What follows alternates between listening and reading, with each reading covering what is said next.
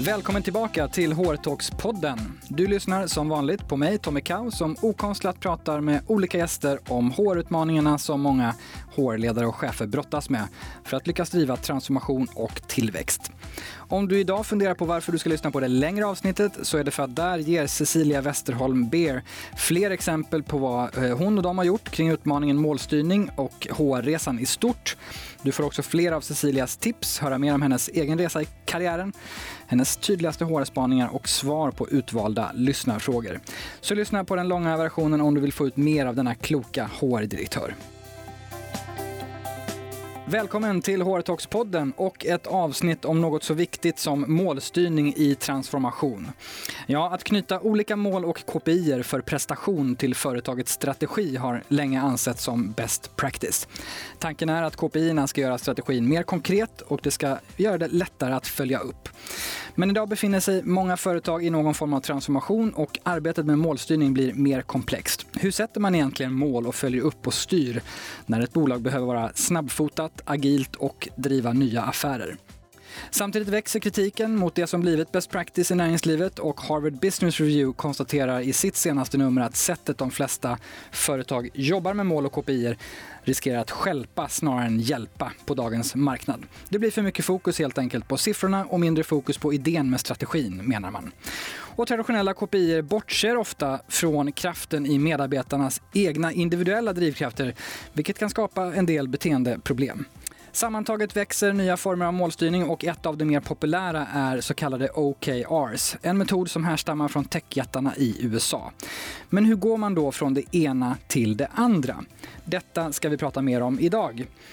Därför har vi bjudit in en gäst som är van att jobba med HR i både tillväxt och transformation. Hon har i över 20 års tid pendlat mellan affärs och HR-roller har en bakgrund som bland annat managementkonsult och affärsutvecklare. Och I över 15 år har hon haft HR-direktörsroller på företag som Fortum, Euromaint och Cybercom. Hon har blivit utsedd till årets HR-profil och nominerad till årets HR-team på Human Growth Award. Sedan 2017 är hon Chief HR Officer på data och analysföretaget Bisnode där de bygger HR och driver en transformation av bolaget i 19 länder. Hon heter Cecilia Westerholm Beer och nu sätter vi igång dagens skarpa samtal. Hjärtligt välkommen till HR-talks-podden Cecilia Westerholm Beer. Tack så mycket. Hur känns det att som eh, ruttad HR-direktör eh, vara med i en HR-podd om transformation? Jo, men det känns eh, det är fantastiskt roligt. Det är jättekul att jobba med transformation av alla former. Det är egentligen det jag har gjort hela mitt liv. Och det ska vi prata mer om. Bisnod är eh, ett bolag i transformation som så många andra. Vi ska prata om ert arbete att införa en ny målstyrning som passar det med målstyrningsmodellen OKR. Eh, och som du vet går vi i den här podden rakt på sak. Så vad skulle du säga är mest utmanande med att målstyra en verksamhet som är i transformation? Eh, att målstyra den. okay. Nej men det är ju det svåra är, är, ju faktiskt att få folk att ägna tid åt att planera vad de ska göra. För det är ju faktiskt det någonstans målstyrning handlar om. Vart ska vi? Eh, och hur ska vi ta oss dit? Och, eh, ja, så det är faktiskt det svåraste, att få folk att planera och, och ta tid till det. Och ett sätt att jobba med målstyrning eh, som växer som sagt är OKRs. Ska vi börja kanske lite bara med att definiera vad OKRs eh, står för och vad det är för något för de som inte är lika insatta, lite så här kortversionen. OKR står för Objectives och Key Result. Och extremt enkelt, hoppas jag, eh, så betyder det att man, man sätter ett fåtal objectives som väldigt mycket handlar om så att säga, vart ska vi någonstans? Ska vi till Sandhamn eller Möja eller vad det nu kan vara för någonting? Och sen så till det så kopplar man key results som är ganska actionable key results eh, för vad det, hur man ska ta sig dit på vägen. Vad behöver vi göra? Vad behöver jag göra för att komma dit? Och sen så eh, är det gärna transparent och man jobbar med att så att säga gå in i varandras key results och så vidare. Ja, det kan bli väldigt komplicerat som ni hör, men lite grann så. Vad skulle du då säga är största skillnaderna mellan OKRs och traditionella KPI? För ni kommer ju också från mer traditionella KPI. Absolut. Alltså KPI, det är ju det som man då kanske mest kan jämföras, jämföra med det som är Key Results. KPI mäter ju egentligen ganska ofta de här tråkiga sakerna ebita, revenue, eh, antal eh, sålda bananer eller vad det nu kan vara för någonting. Eh, det som är skillnaden med Key Results är att man gör också det det finns där. Det finns, man kan ha key results som är som KPI, men man matchar det också med key results som snarare handlar om hur ska jag ta mig dit? Om jag ska sälja 100 bananer, vad behöver jag då göra? Jag kanske behöver använda en annan metod än vad jag gjort tidigare. Och då sätter man ett key result på det. Det ska fortfarande vara mätbart, men utgår mycket, mycket mer från handlingen, det som ska göras. Jag tänker på en annan modell som många nog har, har lärt sig någon gång och så kanske man inte följer den helt, men det är den här smart-modellen. Ja. Vad är stora skillnaderna mot, mot den? Ja, men den stora skillnaden är, det ska jag säga att det är ganska många som till och med säger att ja, men smart-modellen är en del av OKRs. Det tycker inte jag och det kanske inte heller om man, om man liksom går tillbaks till rötterna. Det är en utveckling. Så. Och skillnaden mellan smarta mål och, och, och key results är smarta mål ska man kunna uppnå och de är ofta satta lite grann så där så att ribban ska vara lagom. Om du ska sätta smarta mål om att träna ska du inte göra det sju dagar i veckan utan du ska säga fem dagar i veckan. Medan key results, då ska du ta i. Det är faktiskt en av både möjligheterna och svårigheterna i det här. Det vill säga någonstans runt 70-80 procent om du har uppnått eh, ditt key result så ska du vara nöjd. Eh, i många fall. Där kan man ju fördjupa sig i massvis i såklart och, ja. och både lyssna på poddar och läsa böcker och gå kurser och vad det nu kan oh, vara. Ja. Om man kopplar det här till där ni befinner er på Bisnode, ni är som jag sa i en, en, en transformation och det här införandet av OKRs sker mm. ju i den kontexten. Kan du berätta lite om liksom er transformation och, och vad, liksom, vad består den i? Och jag vet att ni pratar om eh, vitality och, och andra saker. Vi har något vi kallar för Vitality Index. Vi mäter hur det går för oss i vår transformation kan man säga. Eh, eh, förenklat så har vi haft vansinnigt många dataplattformar eh, som, som vi har, bygger vår verksamhet på. Och vi försöker få det till mer eller mindre en. Så vad vi mäter är egentligen hur mycket av det som vi säljer, säljer vi på våra nya plattformar och med våra nya verktyg och så vidare. Och då handlar det om att bygga business på den nya plattformen ja. som du var inne på med Vitality ja, Index. det gör det. Och, och, gå från, alltså vi har ju väldigt mycket lokala produkter och väldigt mycket lokal marknad. Men eftersom vi nu finns i 19 länder i Europa, då vill vi ju faktiskt kunna sälja våra eh, produkter över, ja, i hela Europa eller hela världen. Och Vitality Index då, eh, lite mer, för det var lite spännande. För ja. det, det, det, känns som att det är något som kanske ganska många skulle kunna eh, behöva ha ett sånt. Berätta lite om, om hur det ser ut. Hur det ser ut? Ja, men det, det, alltså det ser egentligen ut så att vi, vi, vi mäter ett index som, som består av att vi tittar på hur stor andel av det vi säljer säljer vi med det som vi har definierat som vår, våra eh, nya verktyg och nya sätt att jobba. Och på så sätt så kan vi liksom mäta en resa. Vi, vi, när vi började mäta så låg vi väldigt lågt på den här skalan och vi ska upp, inte till 100 procent, för det kommer alltid finnas lokala produkter, men, men, men någonstans, ja, inte vet jag, 70-30 någonting sånt. Men, men så, att, så att vi ska ju liksom röra oss på, på den här skalan. Och det, det här indexet kom faktiskt fram ganska medarbetarstyrt. Vi samlar 100 av våra chefer och sen så jobbade vi då, det var när vi, lite grann i, i början av OKR-arbetet och då kom det fram ganska mycket att vi, vi har utmaningar att få ut strategin. Och då föddes det här med Vitality Index, för det är väldigt mycket vad vår strategi handlar om. Så, att, så att det blev ett sätt att liksom mäta, mäta det. Det låter som att det blir också väldigt tydligt. Ett, ett, ett index kan man kommunicera lätt, du kan ja. förpacka det lätt och alla kan ta till sig det. Ja. Hur går man från att ligga lågt och till att ta de här första stegen och få lite mer? Det där är ju någonting som vi brottas med hela tiden. Eh, för vad är hönan och, och, och vad är ägget så att säga? Dels handlar det om att få fram nya produkter som, som, som alla kan sälja och som våra kunder vill ha och så vidare. Men sen gäller det också att våga stänga ner gamla produkter. Och det är ju kanske ibland det svåraste och det kan ju vara så på en lokal marknad att du känner att den här produkten den kan jag, jag känner den, jag vet hur jag ska sälja den och så ska jag istället sälja det här andra som dessutom inte är byggt i mitt land och kommer någon annanstans ifrån.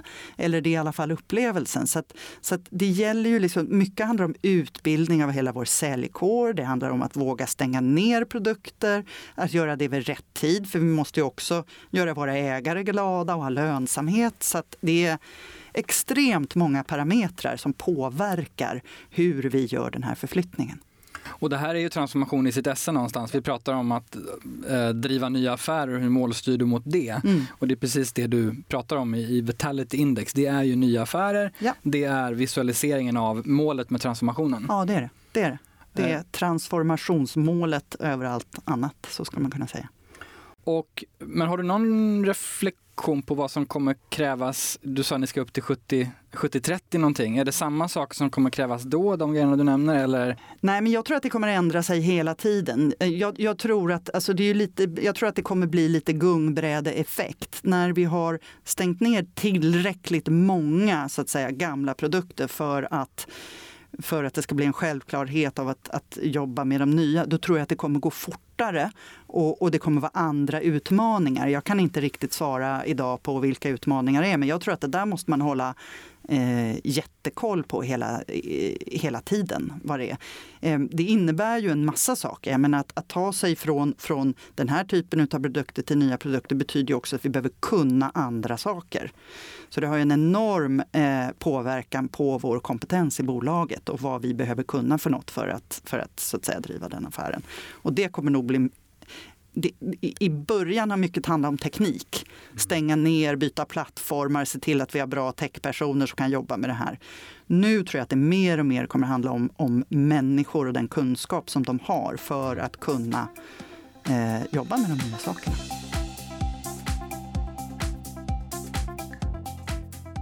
Eh, men jag tänker så här om man ska prata eh, OKRs och det införandet. Och hur gick det till och hur kom ni igång kanske? Ja, men vi kom igång, vi, gjorde, vi hade en, en eh, en mellanvariant där vi inte kallade det för OKRs men någonstans byggde upp hela vår vårt sätt att jobba med, med målsättning. Fortfarande väldigt vattenfallsmässigt. Men någonstans i, så att säga, inspirerat av OKR.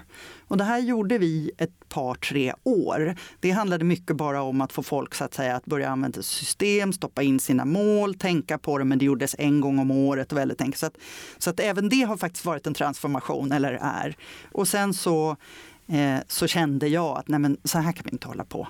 Nu måste vi kliva in i, i, i framtiden. Mm. Och, och då Gå hela vi, vägen. Ja, så det var mycket så. Det handlade om också liksom, nu, nu, nu vågar vi här, nu hoppar vi. Och vad, hur såg stegen ut sen då? Om man, kan, om man som lyssnare undrar hur, hur gör jag det här? Mycket handlar ju om eh, att förklara varför, som är allt, allt annat. Att förklara varför ska jag göra det här? Eh, varför är det så viktigt att jag sätter mål själv till exempel? Vi, fick, vi har faktiskt fått frågor på vägen. Måste jag verkligen göra det här? Kan inte min chef sätta mina mål? Eh, den typen av saker. Så mycket handlar ju liksom om att, att, att förklara varför. Att ha tillräckligt bra system för att få folk att använda det. Det, här ska inte, det är ingen systemfråga, men det blir lätt det. Det finns säkert anledning att återkomma till det lite grann. Annars hamnar det i Excel-ark och, och ja, lite här och där. och powerpoints och så vidare. Och det behöver faktiskt inte vara fel, ska jag säga. Men, men, men om man ska kunna följa upp vad vi gör, då är det viktigt. Så att, så att början var både att hitta ett system som vi kände, det här är tillräckligt bra. Vi började med powerpoints och sen så la vi till ett, ett, ett, system och sen utbildade vi alla i hur man ska göra det här. Och sen så åkte vi runt på, på en turné. Jag och vd och vår strategichef eh, och, och pratade om det här runt om uh, i våra länder för att liksom skapa uh, bass runt det hela. Blev det vågen? Nej, det blev det inte. Jag är inte säker på att... Det, alltså jag ska säga, vågen är det i delar av organisationer. Men om någon av mina medarbetare eller någon som jobbar på Business lyssnar på det här så kommer några säga att åh, den där skiten. Mm. För ni är mitt uppe i det också, ska ja, vara väldigt uh, tydliga med. Att ja. Ni är inte i mål. Nej, det är vi inte. Vi, vi är mitt inne. Och jag, och, men det beror på vad man, vad, man liksom, eh, vad man anser är framgång. När jag bestämde mig för att nu tycker jag att vi behöver driva den här frågan och det i sig bottnade sig i att jag kände att vi behövde få ut vår strategi mycket bättre och vi behövde bli tydligare. Vi behövde gå ifrån 711 KPI och vi behövde öka engagemanget liksom någonstans. Så. Jag var så laddad. Jag var så laddad så jag var överladdad. Jag tänkte det här, det här. Jag såg mig själv som eh, Karl-Bertil Jonsson på julafton med liksom flaggorna och alla kommer att älska mig. Så blev det inte riktigt. Nej, så blev det inte. Nej. Nej. Okej, verkligheten tog i, Ja, kom ikapp. Mm, som en vägg. som en, som en, en vägg. Och det har varit ganska både frustrerande och eh, eh, humbling. Men om jag då liksom går bort från vad jag, hade, var jag hade önskat att vi var någonstans och backar och tittar på vad, vad, tycker, eh, vad tycker vår styrelse, vad tycker vår, vår vd, vad tycker andra i liksom hur vi jobbar med det här. Då är ju de mycket nöjdare än vad jag är. Vad hände efter turnén? Så att säga? För det här var Mm. eh, relativt tidigt kanske i processen. Då började det hårda arbetet. Mm. Och då började just den här resan med, okej, nu ska du, Kalle, Pelle, Lisa och vad man nu heter ute i Europa. Eh, du ska titta på de övergripande OKR-erna, de som vi har för bolaget. Du ska fundera över vad kan du göra för att bidra till affären på bästa sätt? Och hur kan du då sätta dina mål efter det här? Och jätteläskigt, det kanske är så att du sätter dina OKRs innan din chef har gjort det. Eh, så. Och Det stöter ju på. Därför att ska vi vattenfalla ner allt det här, dels blir det inte det vi vill att det ska vara och dels tar det alldeles för lång tid. Då är vi liksom framme i juni innan vi har satt årets mål någonstans. Som, Just det. Så. Just det. Så att, och, och det arbetet var jättetungt och det var också svårt. Alltså vi är ungefär eller vi, vi är 37 HR-medarbetare runt om i Europa. Och att få alla HR-medarbetare att känna att det här är någonting som jag tycker är spännande och det här är inom min yrke och min comfort zone och det här ska jag jobba med. Och det här vill jag springa på. Och det här vill jag springa på och det här ska jag stötta cheferna med. När jag faktiskt kanske inte riktigt själv förstår allt i det här. Det har varit en utmaning. Mm, mm. För det var egentligen det som kickade in efter turnén och Ja. det hårda arbetet var att Ja. det här stöttades av HR Ja, ute i alla 19 länder ja, i, i någon form av eh, parallell snarare än. Vattenfalls process. Precis så.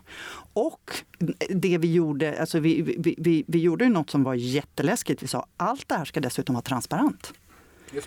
Oavsett var du befinner dig i organisationen så ska du kunna se andras eh, OKRs. Och det är ju jätteläskigt. Va? Ska någon komma liksom och, och, och, och se vad jag gör? Det är ju inte så att alla sitter inne och, och, i, liksom i systemet och letar efter vad andra har för key result. Men bara, bara den här faktumen att vi, att vi, att vi gör så. Och det Vilket ju- är en del av hela poängen med, med, Ja. med OKRs. Absolut, och, och, men det finns ju många, och det har jag stor respekt för, som går liksom tar det där i steg och kanske inte öppnar upp allting på en gång. Men vi bestämde att vi har ju redan hållit på och fuskat i några år med den där, så nu, nu, liksom, nu rycker vi plåstret, nu, nu öppnar vi upp det för alla. Och det, det är, var en utmaning. Och eh, som enskild individ eller medarbetare eller ledare om man satt och gjorde sina OKRs, hur, eh, konkret, eh, det gjorde man lite på sitt sätt men sen laddade man upp det i det här verktyget som ni Mm. har. Och det var liksom en Mm. målgången. Ja, och vi bestämde oss för så här, okej, vi måste göra det här, alltså det här får ju inte, det här får inte ta mer tid än det ger. Så vi, vi, vi satte upp vissa riktlinjer. Vi satte upp, du måste ha fyllt i OKR, dina OKRs före ett visst datum.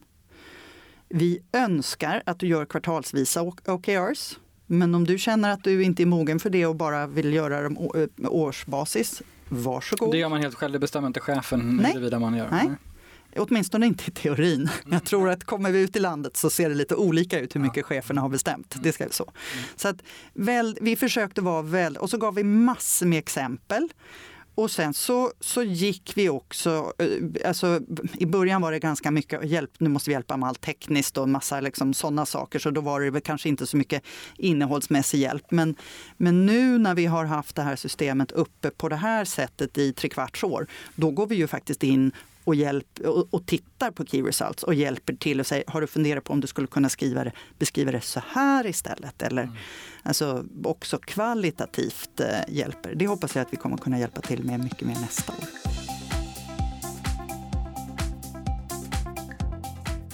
Apropå teknik och system, vad, hur, eh, du, du nämnde att ni har något form av verktyg och system för det här. Hur, hur, vad är det för typ av verktyg och system? Ja, men det är ett verktyg eh, som ser ut som ganska många som börjar komma nu, så att säga, OKR-verktyg som är målsättningsverktyg där du själv lägger in dina mål.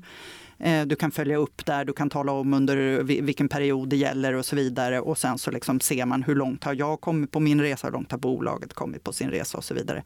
Det vi har gjort som, som, är, som jag tycker om det är att i samma system så gör vi också våra tempmätningar. Mm, Okej, okay, alltså pulsmätningar löpande kvartalsvis? Ja. Månadsvis, Månadsvis till och med. Och det är ju bra för då, då, då, befinner sig både ledaren och medarbetaren på, på samma ställe när man tittar på de här sakerna. Det är ännu inte supersynkat men man befinner sig på samma ställe och kan både liksom titta på okej, okay, vad, vad, vad ger pulsmätningarna och hur mår bolaget där? Och hur mår vi utifrån, hur långt har vi kommit vid, vid våra mål? Så det har varit viktigt för oss att ha det samlat. Och jag tänker när ni då sitter eh, i koncernledningen mm. och tittar på det. Vad är det ni tittar på? Vilken flora? Hur, hur många OKRs har ni? Vi har fyra övergripande objectives och eh, eh, varav det sista är mer så att säga, personlig utveckling och så vidare. Så tre kan man säga. så. Och sen så till dem så har vi, nu måste jag räkna på fingrarna, tre, sex, nio key results. Så, att det, är två, så det är väldigt slimmat.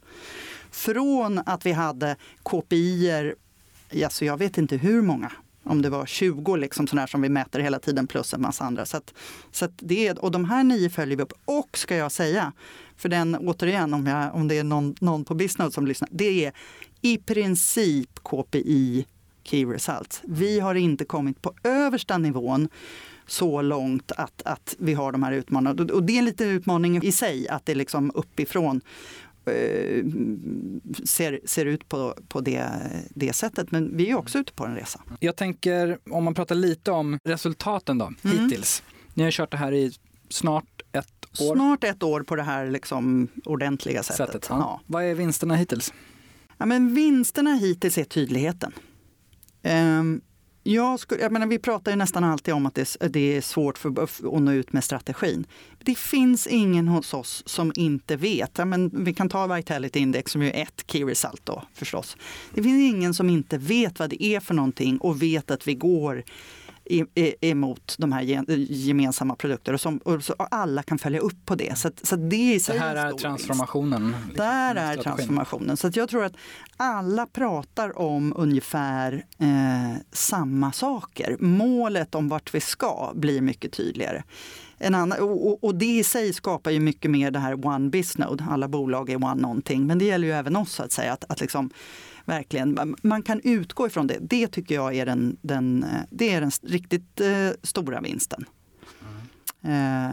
Eh, och att det vi mäter är så få saker att alla kan engagera sig mm. i det faktiskt. Ah, liksom, det, nio grejer att mäta. Det, det, man går det, inte bort sig för att det är för mycket? Nej.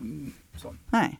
Men eh, det är möjligt att vi tar ännu färre eh, nästa år. Eh, hint du sitter i koncernledningen. Vad skulle din chef säga om eh, att OKRs har betytt för er? Alltså din mm. ja, vd Magnus. Ja, just det. Ja. Och jag, jag vet faktiskt vad, vad, han skulle säga, för jag frågade honom lite grann och han sa att, att för honom handlar det egentligen att alltså han har jobbat med KPI jättelänge och försökt få ut dem i organisationer med begränsad framgång. Därför att det är liksom ingen som orkar bry sig om den här listan om jag eh, översätter vad, vad, vad han säger. Så det han tycker är så bra med OKRs är just det här att det blir färre saker att prata om och det får en genomslagskraft. Så, mm. så det är Eh, det är den, den, största vinsten som han ser, att det blir ett sätt att nå ut med strategin och vad vi ska. Eh, och att det då kopplat till det skapar ett engagemang. Någonstans att vi kan prata om de här siffrorna lagom länge och sen kan vi börja prata om det vi ska göra. Men vad skulle du säga om vi eh, går ner till benet? Vad har varit absolut svårast med att göra den här? Jag tror det svåraste har varit Eh, teknik och system faktiskt, någon konstigt sätt. Det är inte så svårt att få folk att köpa in på idén hyfsat. Det är inte så svårt att få alla att liksom se, ja men det här är ju logiskt att vi liksom ska göra på det sättet. Så att, och, men, och sen kanske också alltså just det här att ta sig tiden och förstå på riktigt vad det är. Alltså, mm, till en viss nivå har det varit lätt. Men sen just det här att, att liksom gå in i och förstå, förstå filosofin, förstå att det handlar också om någonting annat. Någonting som vi jobbar jätte, jättemycket med är ju liksom hur ser då samtalet ut eh, kring hur vi presterar kopplat till det här. Att få den kopplingen och riktigt sitta och få det liksom att klicka in. Mm. Det, eh, så, så de två sakerna, dels det här tråkiga liksom, tekniken och huret och ta tiden, men det andra att, att, att, eh, att det ska sjunka in. Jag tycker att OKRs passar väldigt, det, det är inget konstigt att det slår i Skandinavien. Nej, Okej, okay. utveckla. Ja, men det är ganska nära vår, vår, vår, kultur och våra värderingar det här med, med liksom ledarskapet i spetsen för sin flock. Eh, det är självledarskap, det, det är transparens, det är liksom en massa andra sådana saker. Så det tilltalar vårt sätt att jobba. Medan i andra länder så är ju det här motståndet mycket högre. Jag fick faktiskt en fråga på den här turnén. Så var det någon som räckte upp handen och sa, men, men Cecilia, kan inte ni bara, bara tala om för oss vad vi ska göra istället? Och jag bara, nej. Just det. Kan inte, säg vad jag ska göra. Ja, ja säg vad jag ska göra. För och så, och så säger nej men du vet ju bättre. Du vet ju bättre vad du ska göra. Det är ju inte, det är inte vi i koncernledningen som vet vad du ska göra. Vi kan tala om riktningen dit vi ska, men sen du är ju mycket bättre på det du gör. Och, och då fick jag lite mothugg och så var ja, ja, men, men det är ju så mycket vi ska göra nu. Kan, kan, vi inte, kan inte ni tala om för mig vad jag ska göra nu, så kan vi göra det där sen. Så att det finns liksom ett, ett, jag tror ett kulturellt motstånd i att ta ansvar för, eh, för sina egna mål. För om jag sätter mina mål och dessutom sätter dem så att de är liksom supersvåra att nå och jag inte får den här bekräftelsen av att det plingar in i liksom, japp, 100 procent. Det, det, det är ett väldigt stort steg för många att ta. En del av kritiken mot, mot eh, KPI best practice är så att säga att det är, det, det är för dålig harmonering med belöningssystem. Mm.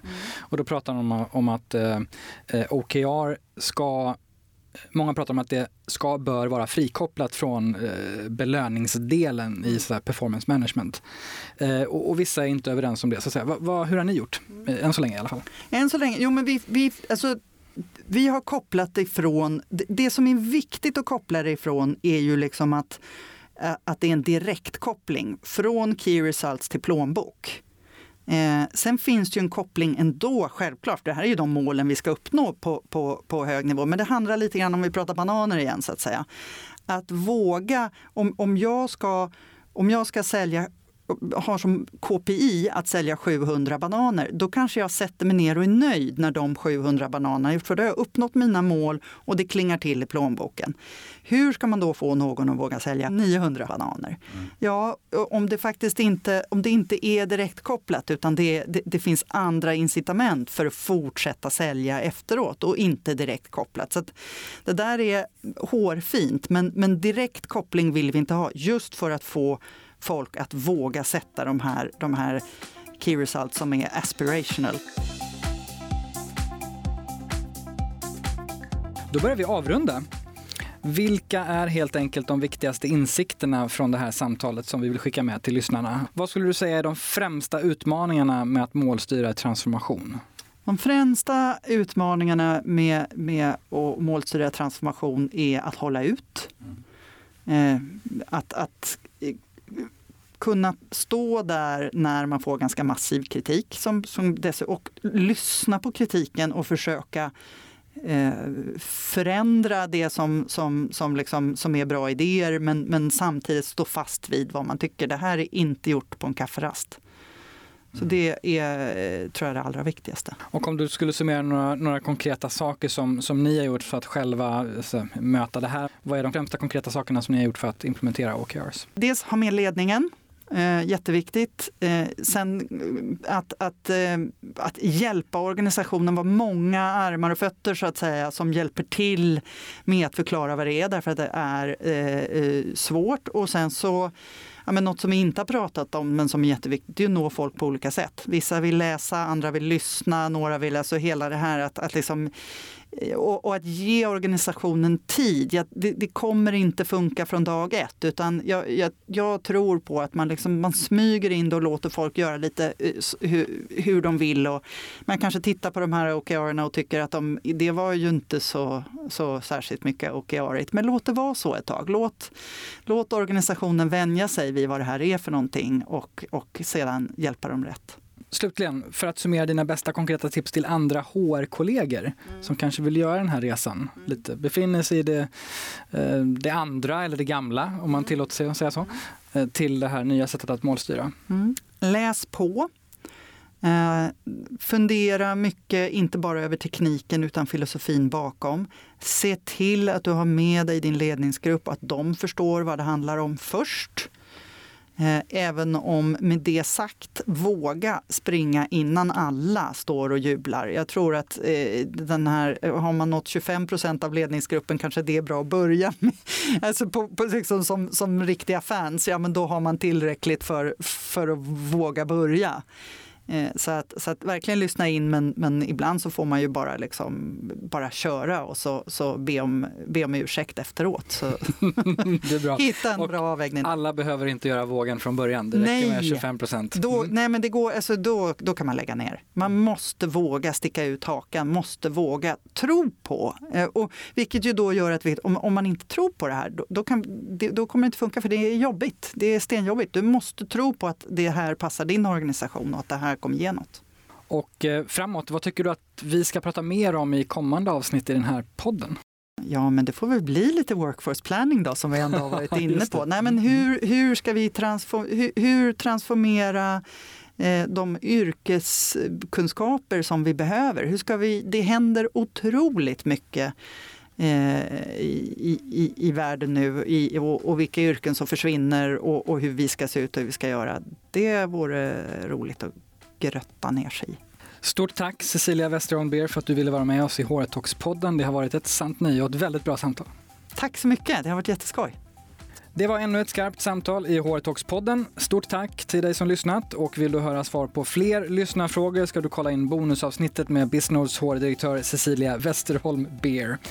Gillar du podden får du gärna prenumerera på den i Apple Podcast eller Spotify och följ oss mer än gärna på Håretoxpodden på Instagram och LinkedIn. Håretoxpodden ges ut av Kao Company, produceras av Mediemera och du hittar som vanligt all info på håretoxpodden.se. Nästa vecka kommer ett nytt färskt avsnitt. Tills dess, ha det bra.